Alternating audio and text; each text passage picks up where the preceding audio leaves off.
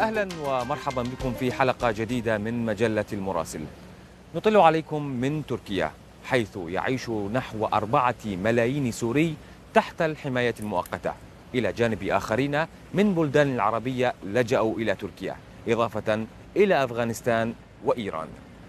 في هذا العدد نتحدث عن اللاجئين وظروفهم في بعض البلدان وهل يتمتع اللاجئون بحقوقهم التي نصت عليها المواثيق الدولية؟ في صفحات هذا العدد من مجلة المراسل.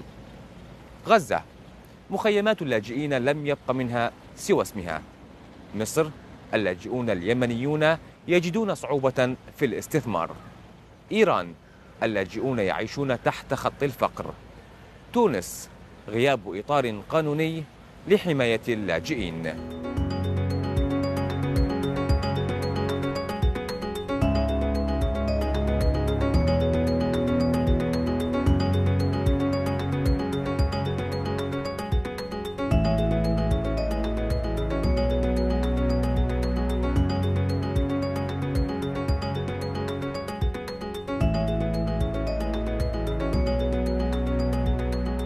في عام 2011 فر عشرات الآلاف من السوريين إلى تركيا بعد بدء الاقتتال في سوريا. وفرت لهم السلطات حينها مخيمات مؤقتة لحين عودتهم إلى بلادهم. اليوم لم يبقى من تلك المخيمات من شيء ويعيش نحو أربعة ملايين سوري مسجلين رسميا تحت الحماية المؤقتة في معظم المدن التركية. في غزة أيضا لم يبقى من مخيمات اللاجئين سوى اسمها. إذ ترتفع اليوم المباني العالية وتنتشر المحلات التجارية في أزقة المخيمات. المزيد من التفاصيل في تقرير مراسلة فرونز بانكات في غزة مها أبو الكأس. كل شيء تغير والبني آدمين تغيروا والشوارع تغيروا كل شيء تغير. هذه الجملة لهذا السبعيني تختصر ما يشعر به معظم كبار السن ممن عاشوا وترعرعوا في أزقة مخيمات اللاجئين في قطاع غزة. تحول واضح لطبيعة المخيم وشكله. من بيوت من الصفيح إلى مبان عالية وشوارع تملأها المحال التجارية. هنا في مخيم جباليا شمال مدينة غزة والذي يعد أكبر مخيمات اللاجئين في قطاع غزة. افتتح محل حديث لبيع الحلويات الفاخرة. يستقبل صاحبه الزبائن على مدار الساعة. قبل عشر سنين ما كانش الشارع هذا هذا عامة هيك بالمحلات بالعمارات وقبل. طب طلع لقيتها جديد؟ تعرفش ان أنت في. في المخيم ولا في المدينة طرق رئيسية مرصوفة ومحال تجارية ضخمة ومشاريع استثمارية ومعمارية جميعها من مظاهر تحول مخيمات اللاجئين إلى أحياء مدنية وأحيانا تصل إلى حجم مدن صغيرة مخيم النصيرات وسط قطاع غزة بات وجهة لكثير من التجار والمستثمرين إحنا بنشجع إنه يكون في هناك عمليات إعمار ويكون في هناك يعني بعض المشاريع الاقتصادية الصغيرة اللي تساعد الناس وهذه بالمطلق ما بتنفي عن الناس اللي موجودين في المخيم صفة اللجوء. لم يبق من المخيمات سوى اسمها. تحول في شكل المخيم وصورته المعتادة يزعج البعض وخاصة كبار السن. بينما يراه الشباب امرا جيدا وضروريا ولا يفقد سكان المخيم صفة اللجوء. المخيمات انشالت في القلوب والتطورات هاي اللي بتصير هي تطورات ملموسة مش تطورات في مبادئك وأخلاقك. أنت طول عمرك من جوا أنت مقتنع أنه أنت بمخيم. مخيمات اللاجئين الفلسطينيين هي أراض تم وضعها تحت تصرف وكالة الأونروا من قبل الحكومات المضيفة بهدف إسكان اللاجئين الفلسطينيين. وهذا يعني أن اللاجئين في المخيمات لا يملكون الأرض التي بنيت عليها مساكنهم إلا أن لديهم حق الانتفاع بالأرض بهدف السكن فقط. تنتشر محلات ومطاعم عربية في هذا الحي حي الفاتح في إسطنبول. من بينها مطاعم يمنية تحظى بشعبية كبيرة. فالسلطات تسهل عملية الاستثمار بالنسبة إلى الأجانب وحتى فرص حصول المستثمرين على الجنسية التركية مقابل ذلك.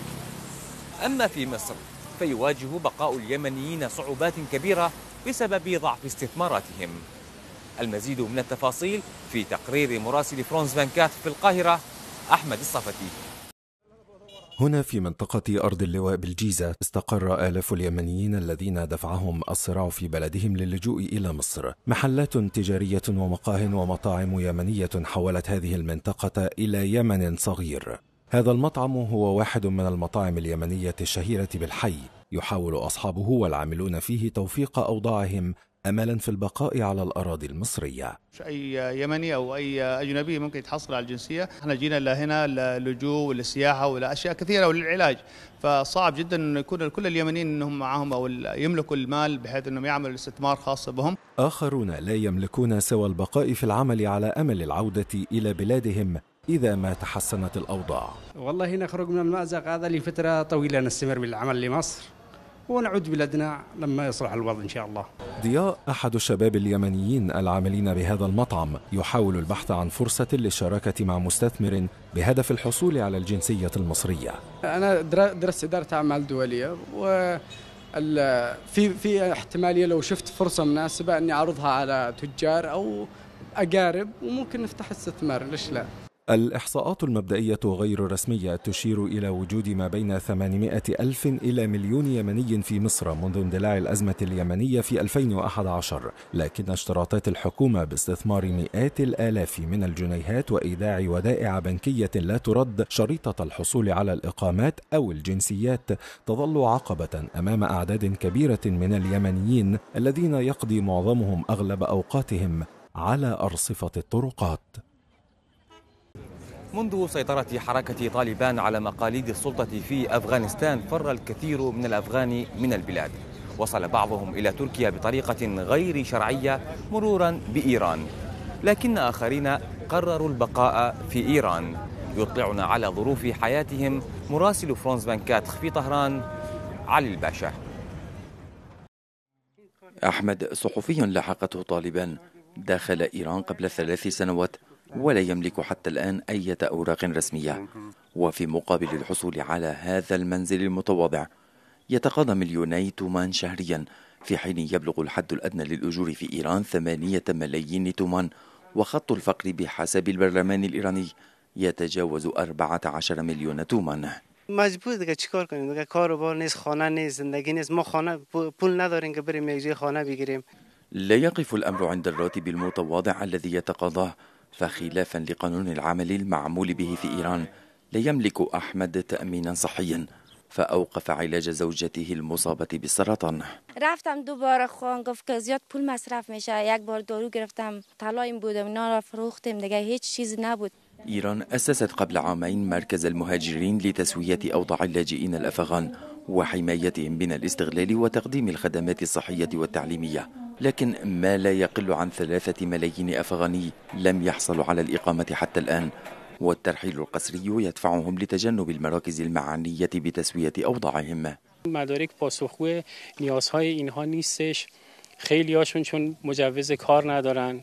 بعد اینجا مشکلات عدیده دارن. از قبیل نداشتن مثلا نمیتونن سیم کارتی بخرن نمیتونن حساب بانکی باز بکنن. عدد الأفغان في إيران وصل إلى خمسة ملايين شخص بحسب الجهات الرسمية بينما تتحدث مصادر غير رسمية عن وجود أربعة ملايين شخص غير مسجلين في أي مراكز حكومية.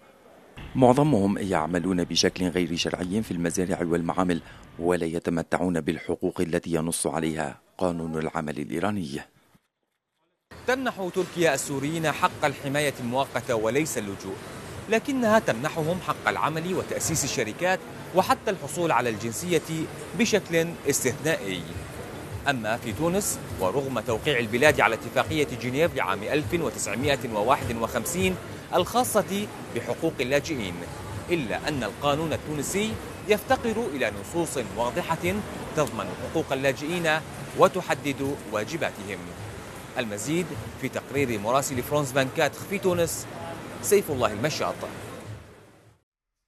تعمل المحامية إيمان البجاوي منذ سنوات على ملفات اللاجئين وطالبي اللجوء في تونس بشكل تواجه فيه تحديات قانونية عدة. اللاجئ اليوم غير قادر يتحصل على عقد عمل غير قادر يتحصل على عقد كراء وغير قادر إنه يتحصل على شهادة في الإعفاء من خطايا التأخير الخاصة بالتواجد على التراب التونسي بطريقة غير قانونية.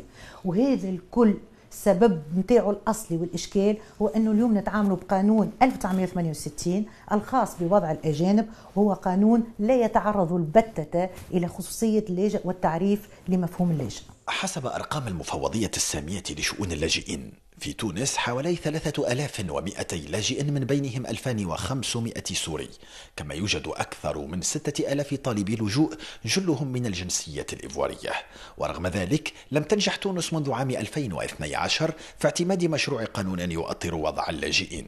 بعض الأطراف الحكومية تعتبر أن لو تم المصادقة على هذا القانون فسوف تفتح الأبواب لتوافد أعداد كبيرة من اللاجئين إلا أن هذا الاعتقاد هو خاطئ لأن قانون والإطار ووضع إطار قانوني هو من شأنه حماية البلد المستضيف تونس وكذلك حماية حقوق اللاجئين. في القانون رقم 40 لعام 1975 الخاص بجوازات السفر ووثائق السفر آلية لحماية اللاجئين وطالب اللجوء. تستند لاتفاقية جنيف لعام 1951 تعفيهم من كل تتبع. للأسف الشديد هذا مش قاعد يتطبق هذا نص وكأنه مهجور وكأنه غير موجود وإحنا إن شاء الله نتمناه أنه النيابة العمومية تتجاوز هذا التجاهل ولا تثار التتبعات ضد اللاجئين طالبي اللجوء عندما يدخلون للتراب التونسي بطريقة شرعية. تعمل المفوضية السامية لشؤون اللاجئين مع الحكومة والمجتمع المدني في تونس على إعداد وثيقة مرجعية وطنية لتحسين فرص التشغيل للاجئين. الوثيقة سوف تسهل وصول اللاجئين إلى مواطن الشغل خاصة وأن هنالك طلب لليد العاملة وهذا حسب آخر الدراسات فهنالك طلب وحتى من أصحاب المؤسسات في حد ذاتهم فهنالك بعض القطاعات والخدمات هم في حاجة إلى اليد العاملة الأجنبية. حسب المختصين يبقى تحدي اللاجئين في تونس قائما من أجل ضمان الحقوق الاقتصادية والاجتماعية في ظل غياب إطار قانوني وطني يضمن الحقوق والحماية الكاملة للاجئين. إلى هنا نصل وإياكم إلى ختام هذا العدد من مجلة المراسل.